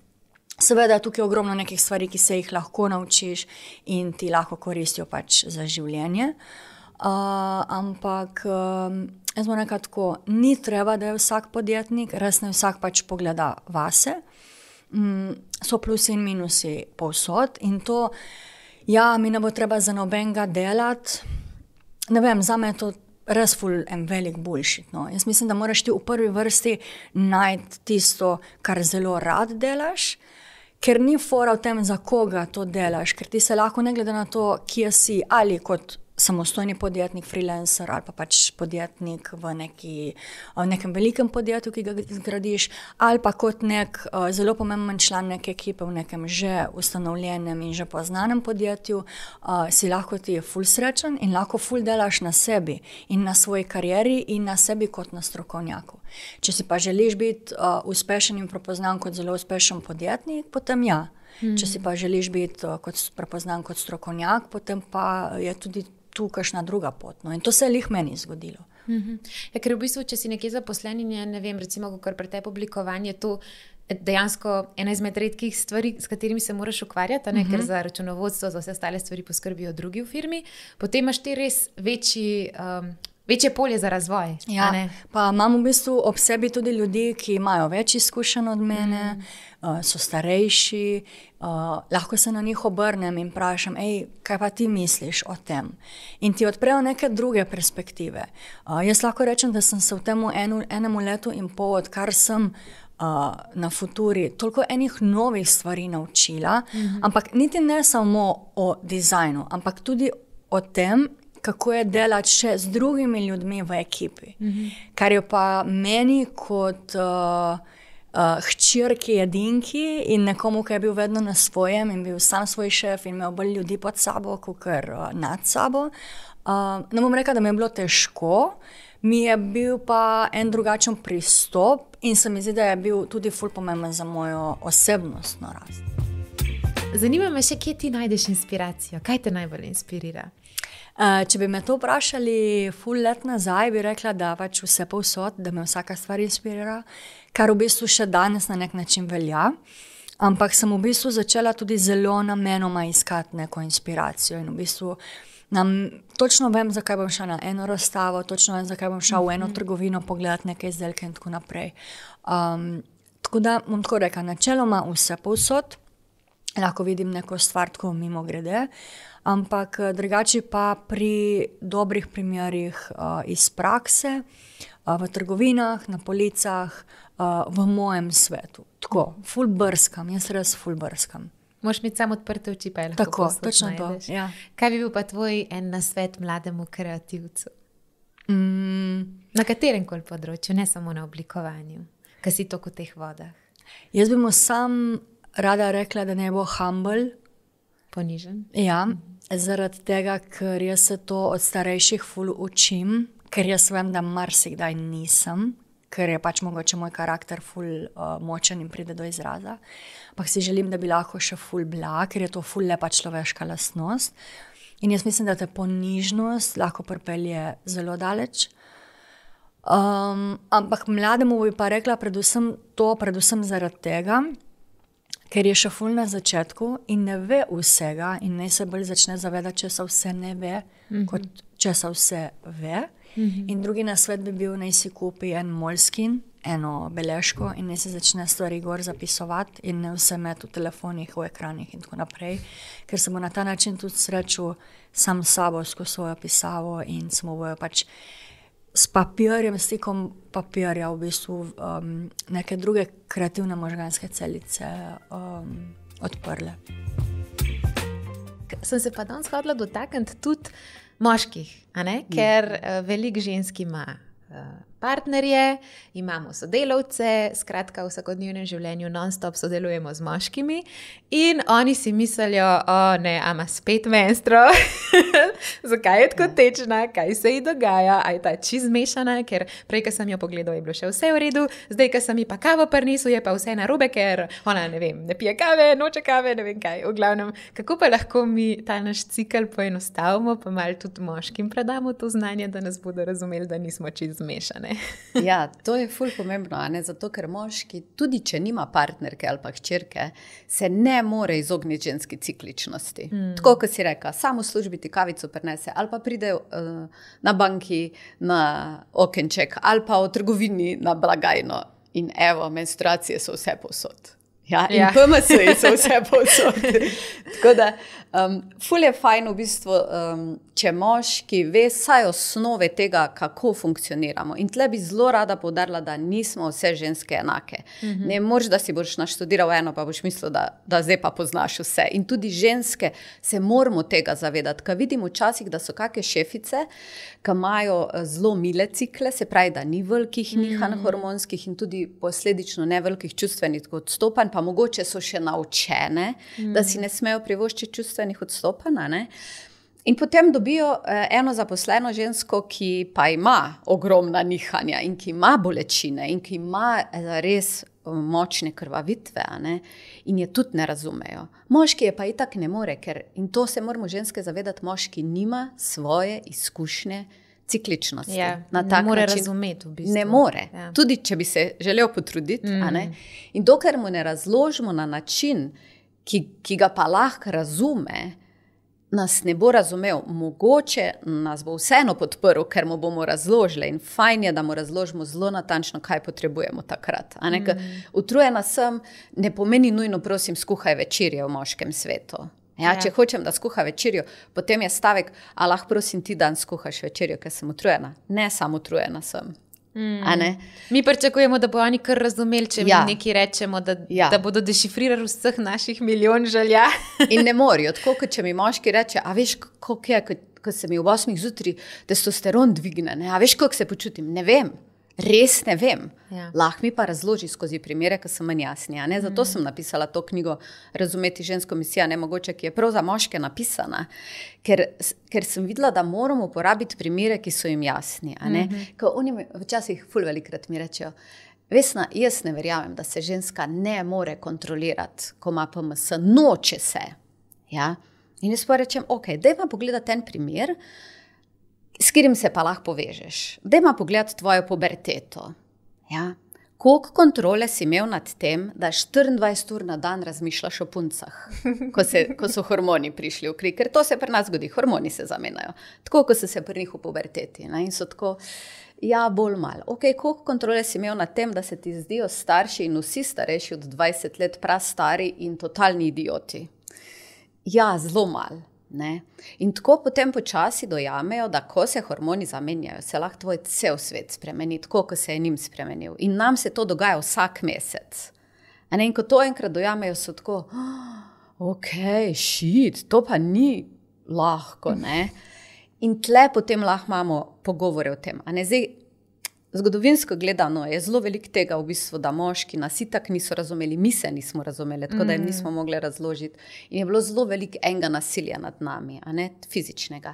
Po drugi strani smo pa ženske bile vedno mal manipulativne, ker to je pa bil ta način, ki smo ga pa mi lahko uporabljali, ker nimamo v njih mišic, da bi lahko bile fizično nasilne. In moški se tle ustrašijo velikrat, večina se jih ustraši, da če bojo začele poslušati žensko in te njene muhe, a ne da jih bomo zmanipulirali in izkoristili to cikličnost za čisto vse, kar hočemo. Mm. In tle je res nujno povdariti, če se začnemo pogovarjati o cikličnosti in o tem, kako me lahko podpreš, da ženske ne uporabimo tega zato da ga res manipuliramo mm. in, in da dobimo vse, kar hočemo, zato ker danes imamo PMS, pa mi moraš dati. Mm. Tako da to je to opozorilo ženskam, da če želite, da vas bo partner podporil, potem mora biti to fair play in mogoče veste, da si ne morete um, zaupati niti same sebi takrat. Ne?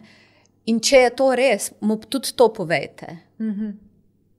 Ali pa mu damo celo, čeprav to ni mogoče dobra ideja, da mu damo pravico, da me vpraša, ali je to res zaradi cikličnosti ali je to zato, ker veš, da ti bom zdaj le ustregel. Mm. Pa bom pa najbolj znorela, če mi to reče takrat v PMS. -ju. Ampak ne, tle mora biti res igra z odprtimi kartami, ki se začnemo to jedeti. Zdaj, zakaj je za moške vredno, če vejo? Ravno zato, da mi ne bo nosil rož pa kave, takrat, ko ni čas. A ne v tednih mm. zgovoru sem govorila o tem, kdaj prenesti eh, rože ženski, pa kdaj jo pelati na dopust, zato da se ima imela oba dva full fine. Mm. Se pravi, ko enkrat moški ugotovi, na kak način podpreti žensko, ker, in ko ugotovi, da živi s štirimi različnimi ženskami, pr, v enih primerih s petimi, ker je ta jesen tako zelo dvolična, da, da sta v bistvu tle dve ženske. In da je z vsako fajn ravnati drugače, se odprejo dve stvari. Ena je to, da ima res bolj zadovoljno žensko, ki ne bo nergala. Ja, če je ženska podprta, tudi če se sama zna podpreti v tem PMS-ju, pa v menstrualnem času, ne, um, ne bo rabila nergati. Mhm. Če bo malo po malo zdravila v PMS-ju to, kar ji ven seka um, ne bo rabila, čez deset let bodo te stvari več ali manj pozdravljene in PMS ne bo več tako močen. Um, druga stvar, ki se pa tle zgodi uh, moškemu, je pa, da lahko tudi sam začne v sebi iskati različne moške. Ker kaj naredimo do 31, 40, že vemo, kdo smo in pol to furamo dalje. In razen, mm. če se zaljubimo, takrat postanemo princese in princi za nekaj časa. Ne? Si ne dovolimo več teh, tudi moški, si ne dovolijo več teh različnih moških živeti. In zdaj, če moški ve, da jaz v enem obdobju rabim princa, ki me bo pelal ven, pa bo seksi in uh, mi bo dajal komplimente, naprimer. In če on v tem obdobju začuti, da hm, jaz bi pa zdaj le tole vado, a ni to lepa kombinacija. Mm. No, pa ker smo ravno pri ženski in moški energiji, um, da pa se dotaknem še, kako ženske dojemamo spolnost in kako moški dojemajo spolnost. Ker si zelo lepo v knjigi predstavlja to kot en obisk. Aha. Ja, se pravi, fizično sta telesi drugačni pri ženski in pri moškem. In zdaj je že tudi čisto znanstveno dokazano, da žensko telo rabi veliko več stimulacije kot moško telo. Tudi če se navlažimo, to ne pomeni, da je telo pripravljeno na obisk. Bom povedala od začetka to zgodbo. Se pravi, um, zgodba z spolnostjo ali pa s penetracijo, rečemo tako, a ne, ker spolnost je veliko bolj široka, je taka, da ženska sprejme nekoga v svoj dom na obisk, v svoj center moči, v resnici, ker maternica je njen center moči in tle se v bistvu um, moški spolni ud dotakne vhoda v ta center moči. Ja, v to, kdo ona v resnici je. Eni pravijo, da je maternica, v maternici shranjen svet igral. Mm -hmm. Tako da moški je prišel v moj dom na obisk. Ja. In zdaj, če pogledamo, če nekdo pride k meni na obisk, koliko imam jaz dela s tem, v primerjavi s tem, če jaz grem nekam na obisk. Če jaz grem nekam na obisk, ne rabim prav veliko. Kupim mogoče čokolado ali pa kavo, da imam nekaj zraven za nest, malo pogledam, če sem v redu in že lahko grem. Mm. Se pravi, no big deal. Ne?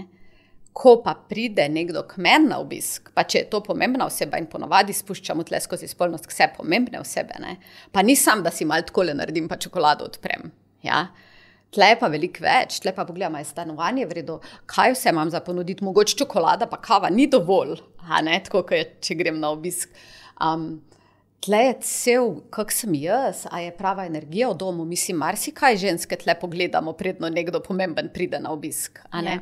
In je lahko to par ur drame, v primerjavi s tem, če grem na, na obisk, pa imam dve minuti drame, da si pogledam, sem v redu. Vzamem čokolado.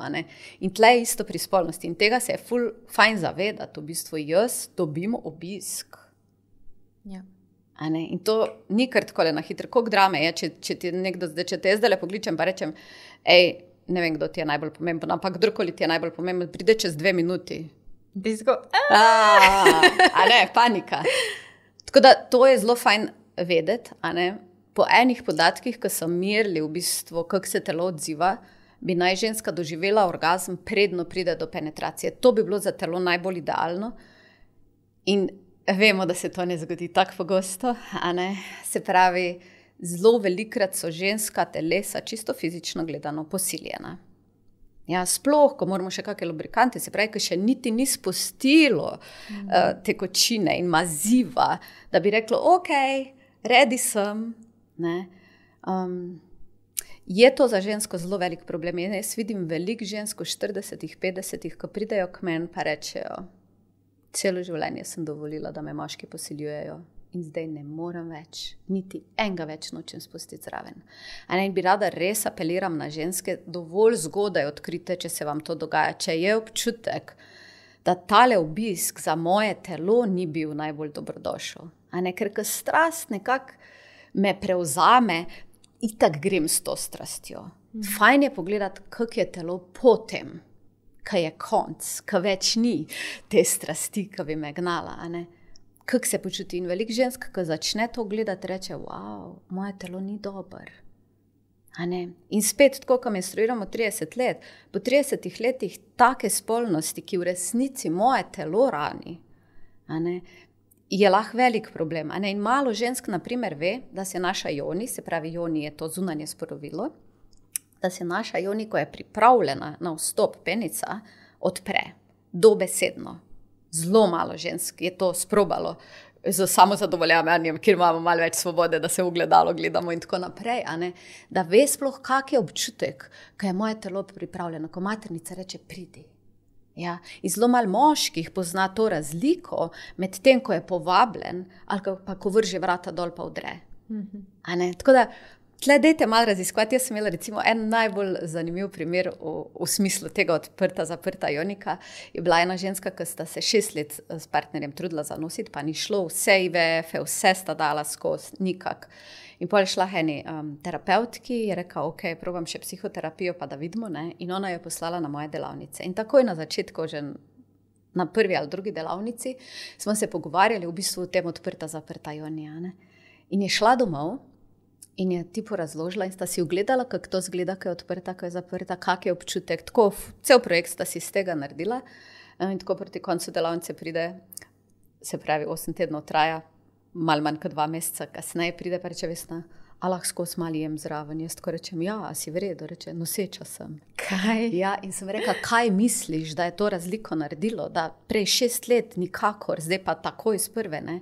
In reka: Vesna, takrat sem zanosla, ker smo s partnerjem to pogledala in smo ji obljubila, da nikoli več ne bomo, ne bo vstopil vame, brez da sem odprta. Wow. Z prve. Pa zdaj ne pravim, da je to recept, da se bo vsem zgodilo, ampak recimo to je en tak Ena primer. stvar za poskusiti, tisti, ki se trudijo. Recimo. Ja, in en tak primer, ko je meni res pokazal to moč zavestnosti. Ja. To mi je bilo tudi lepo, da se zdaj malo vrnemo na knjigo, ki bi bilo škoda, da jo ne bi obdelali. Mm, Ker v bistvu jo začneš s porodom, s svojim ja. sinčkom. In moram reči, da je to prva stvar, ki sem jo prebrala, da se zdaj ne bojim več poroda. Ja. Ker vsi mi rečejo, da je to grozno, to tako boli, epiduralna, nujno, nujno, nujno. In potem imaš ti. Ja. Tako lepo poglavje v tem porodu, da bi povedala svojo izkušnjo, kako je. Ja, lahko, absolutno. Veš, to se mi zdi zelo pomembno. Um, ozaveščati ženske o tem, da je porod resnično lahko ena taka božanska, spiritualna mm. izkušnja. Um, in res je narobe, a ne bom rekla, da. Mislim, grozljivo je, ko poslušamo vse te zgodbe žensk, ki imajo slabe izkušnje.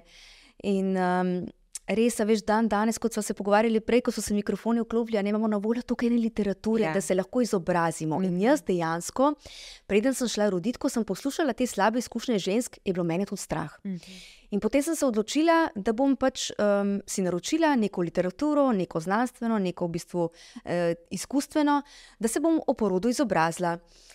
In sem se res. In tudi opisujem v bistvu dve čudoviti knjigi največ. No. Ena je od dr. Eh, Grantley Dickreda, ki jo je napisal uh, leta 40 in ko je dal to knjigo ven, je bila blazna revolucija takrat, kjer opisuje, da je porod lahko celo neboleč kar je znanstvena fantastika za večino žensk, celo zdravnikov, ginekologov, porodničarjev. Um, jaz ne morem reči, da je bil moj porod ne boleč, ampak jaz sem vedela, kako s to bolečino ravnati, mm -hmm. kateri hormoni se dejansko sprožajo, kako je treba telesu pomagati, a ne takrat, ko rojevaš.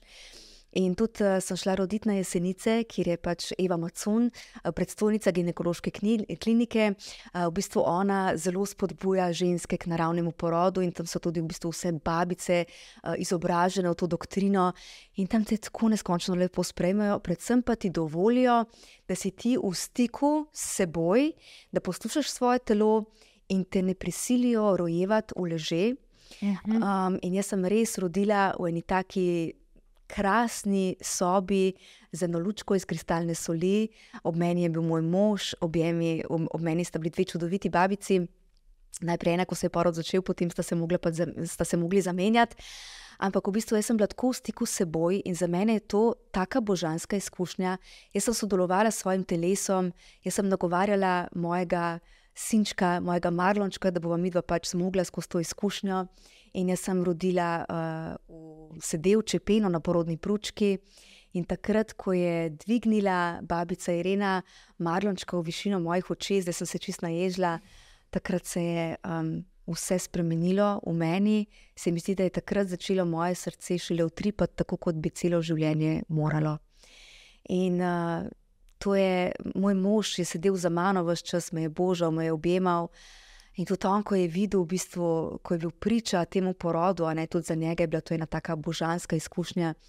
Uh, tako da um, jaz v bistvu spet ne polagam um, na srce tudi uh, zdravnikom, da naj pa vendarle z ženskami ravnajo tako, kot si zaslužijo, da naj spodbujajo to naravni porod, je pa tako. Um, a veš, mi ne moremo zameriti tudi na nek način um, da pač zdravniki ravnajo tako, kot ravnajo, ker je blazen pritisk na ta naš zdravstveni ja, sistem. Seveda.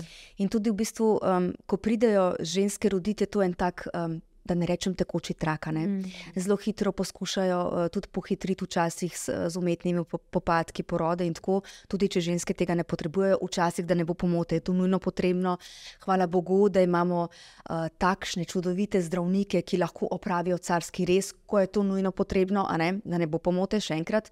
Um, ampak veliko krat se pa zgodi, da bi ženska lahko rodila naravno, ker v bistvu samo približno.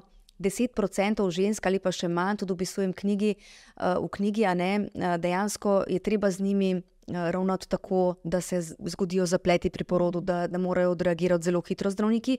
Vseh ostalih 90% žensk pa bi morali roditi naravno ne, in bi mogla biti ta izkušnja za njih res božanska. Uh, tako da um, mogoče ja, tudi mamice v nastajanju, ko bodo prebrale to mojo knjigo, bodo mogoče izgubile strah. Um, in, in bodo rodile lahko naravno, in bo to za njih ena taka čudovita izkušnja. Tako da si želim, da bi bila, no res, ker jaz sem jo imela.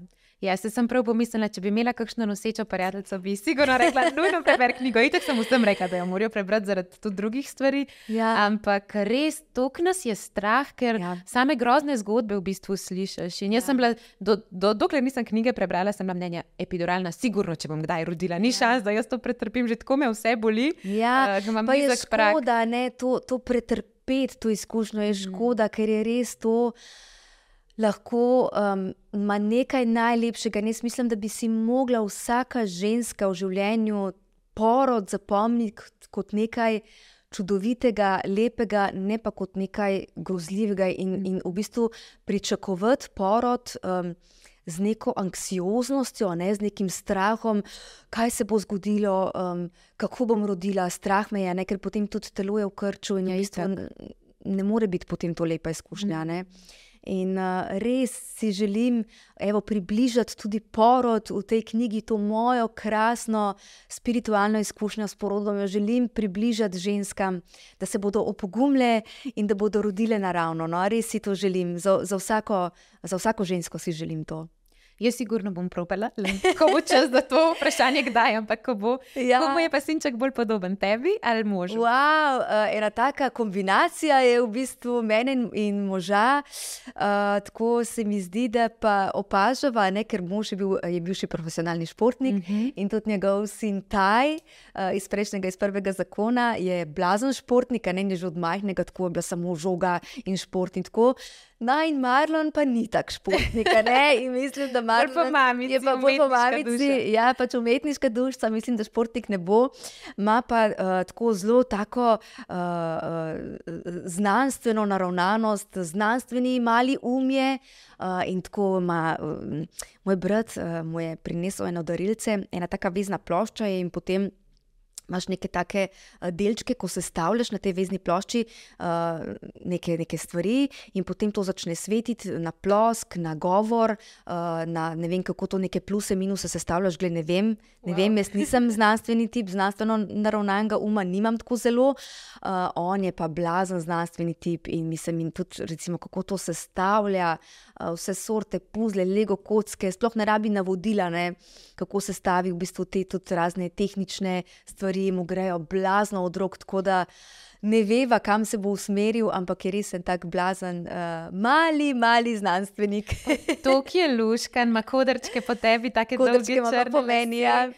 Noro. Ja, Noro. res je tak. Je, um, Zelo srčen fantek, prisrčen, um, zelo tak sočuten, blazno mara živalice, v bistvu res uh, tako uh, lepo ravna. Zdaj imamo mucka, tudi smo ga posvojili za vetišča, ker si je zelo želel živalco.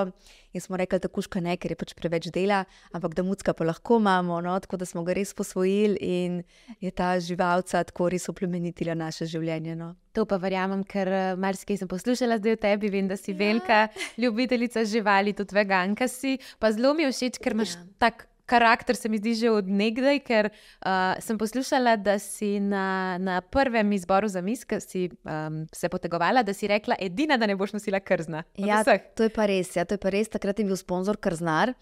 In uh, vsa dekleta pač v finalu je bil en izhod, smo imeli nekega maše, pa en šal, pa mislim, da neke rokavičke, ali kako je bilo, glavno je bilo krzno gor. In sem jaz rekla, ne, jaz, eh, če moram nositi krzno, odstopam pač od, od tekmovanja in tega pač ne bom storila. Že takrat sem imela to naravnanost, to, um, ta glas za živali sem dajala. Ne? In sem potem bila edina od 12 uh, eh, tekmovalk, ki je nosila umetno krzno. Sem jih prav naredila umeten šal, umetnega wow. maše. in zmagala.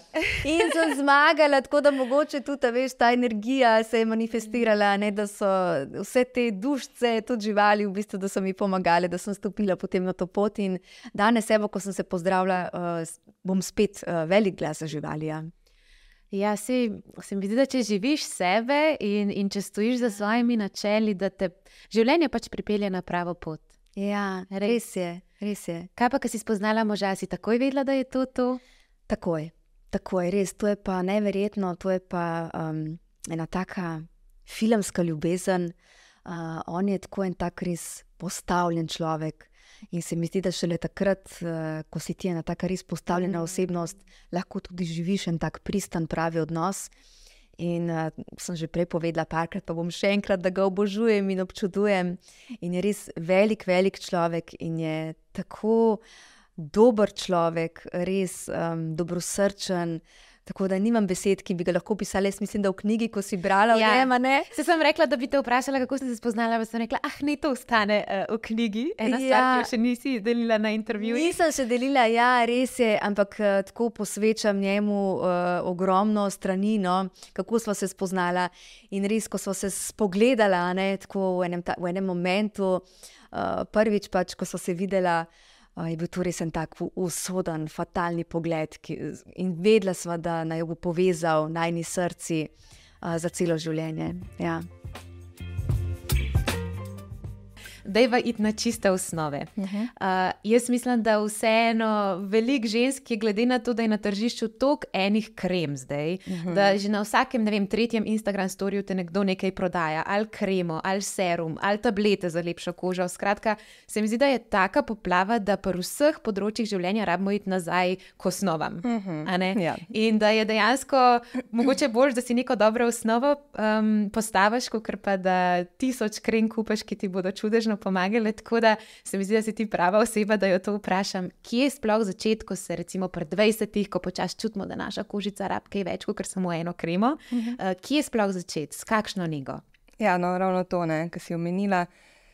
V bistvu jaz v ambulantu dobim zelo veliko pacijentk, ali pa tudi pacijentov, ki so čez medeni, ne, mm. ne vejo sploh, v bistvu, kaj uporabljati, zaradi tega, ker so v bistvu izgubljeni v tej poplavi informacij. Ker, ja, na spletu, na vem, socialnih omrežjih je v bistvu zelo veliko enega oglaševanja. Mm.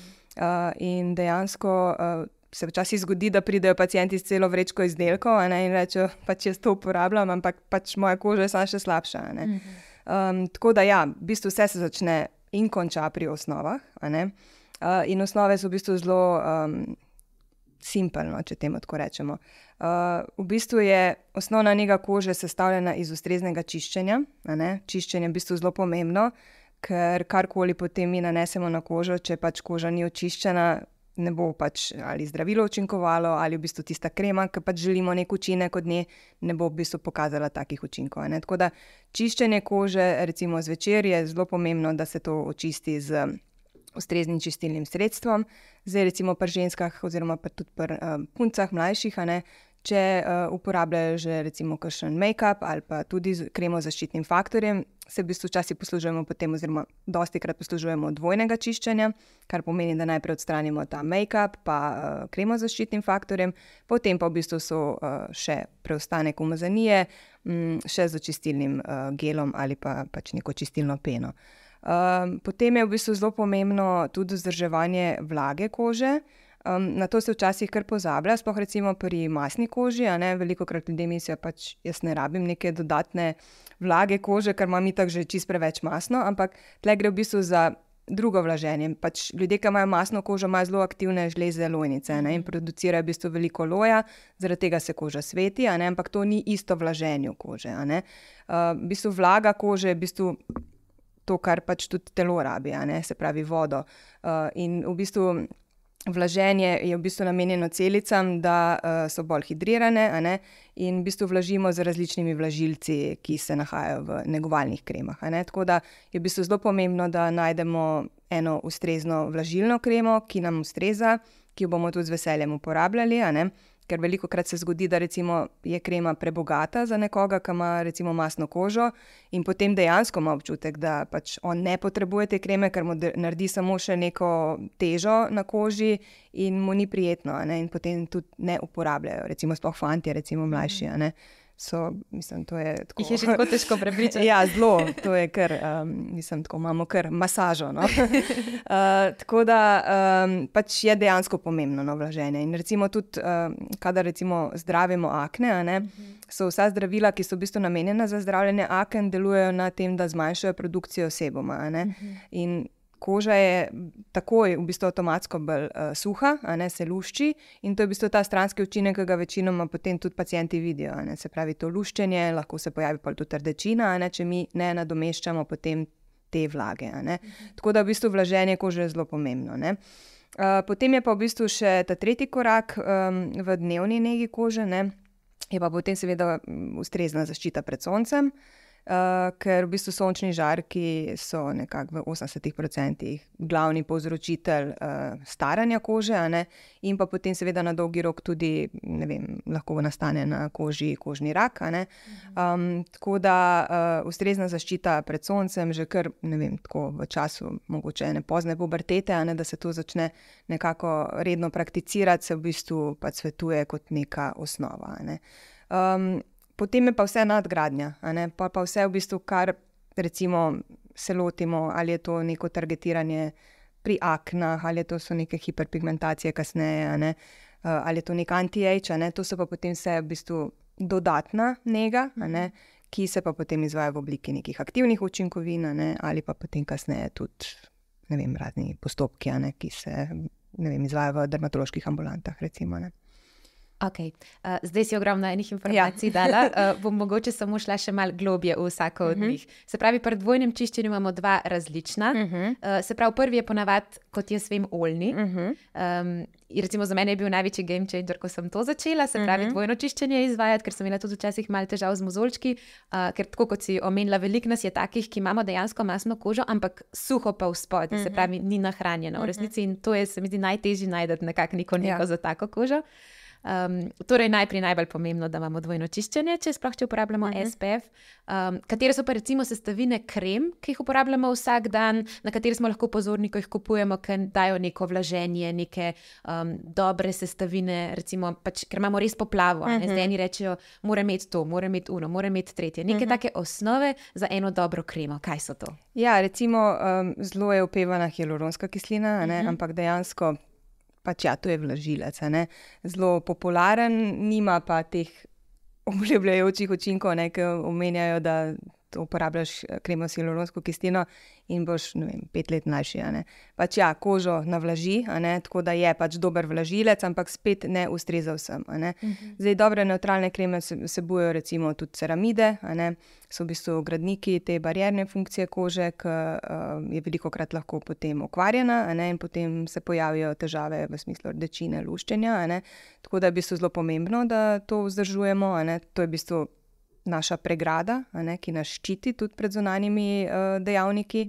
Um, potem so recimo holesterol, pač te lipidi, ne, ki se nekako sestavljajo to barjerno funkcijo kože. Um, tako da uh, v bistvu preparati no, so namenjeni predvsem vlaženju in nekako je to smiselno, da uh, vzdržujemo.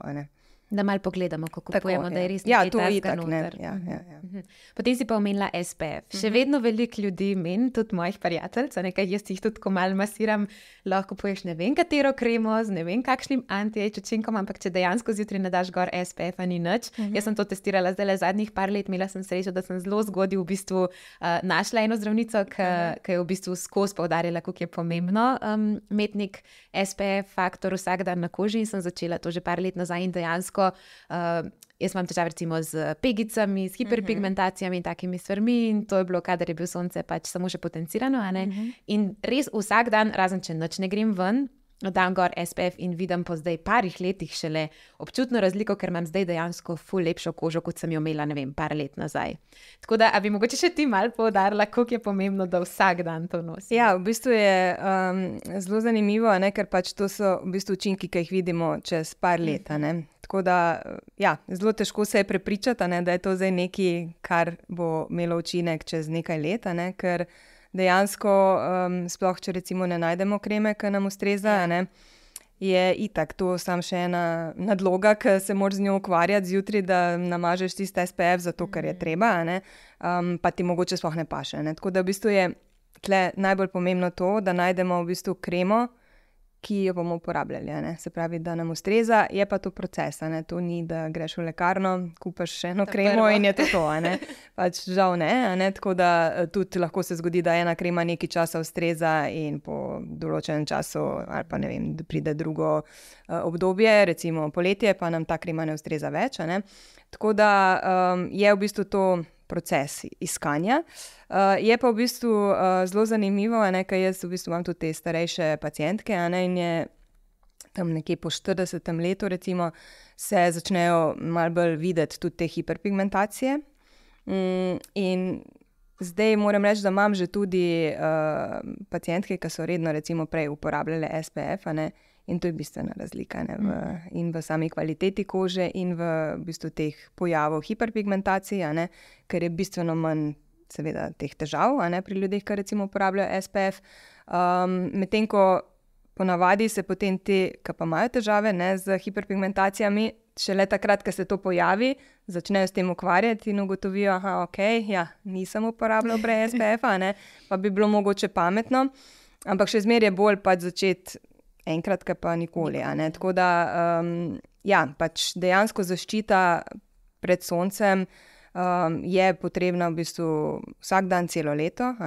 Zdaj, seveda, pač tle uporabljamo kemičko pamet, zaradi tega, ker zdaj, če si doma, pa ne greš nikamor ven.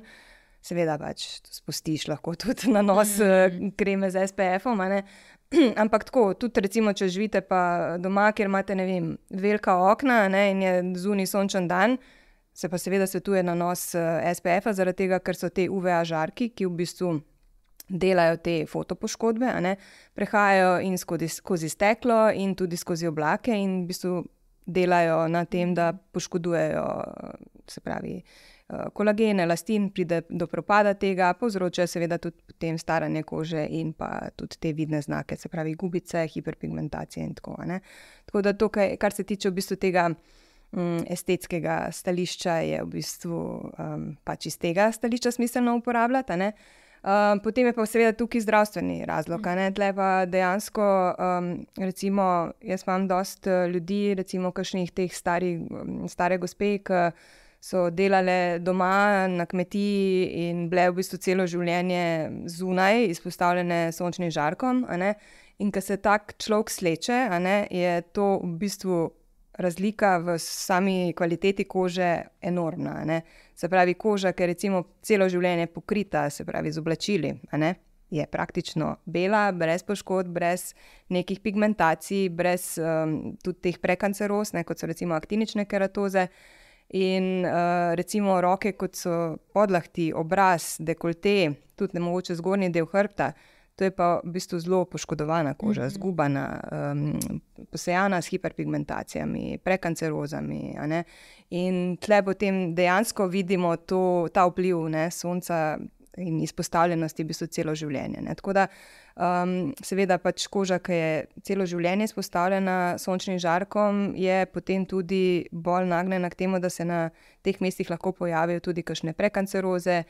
In pa tudi, seveda, najbolj nevarna, kož, eh, mislim, najbolj nevarna oblika kožnega raka, ne, ki je pa pač melanoma. Ne. Tako da, ja, ljudje, ki so veliko na soncu, to govorimo, ne vem, ali je to nek poklic ali je to neka športna aktivnost, ne, um, so dejansko bolj izpostavljeni tudi nekim pojavom ne, na koži, kot so neki karcinomi, če ne uporabljajo ustrezne zaščite pred soncem.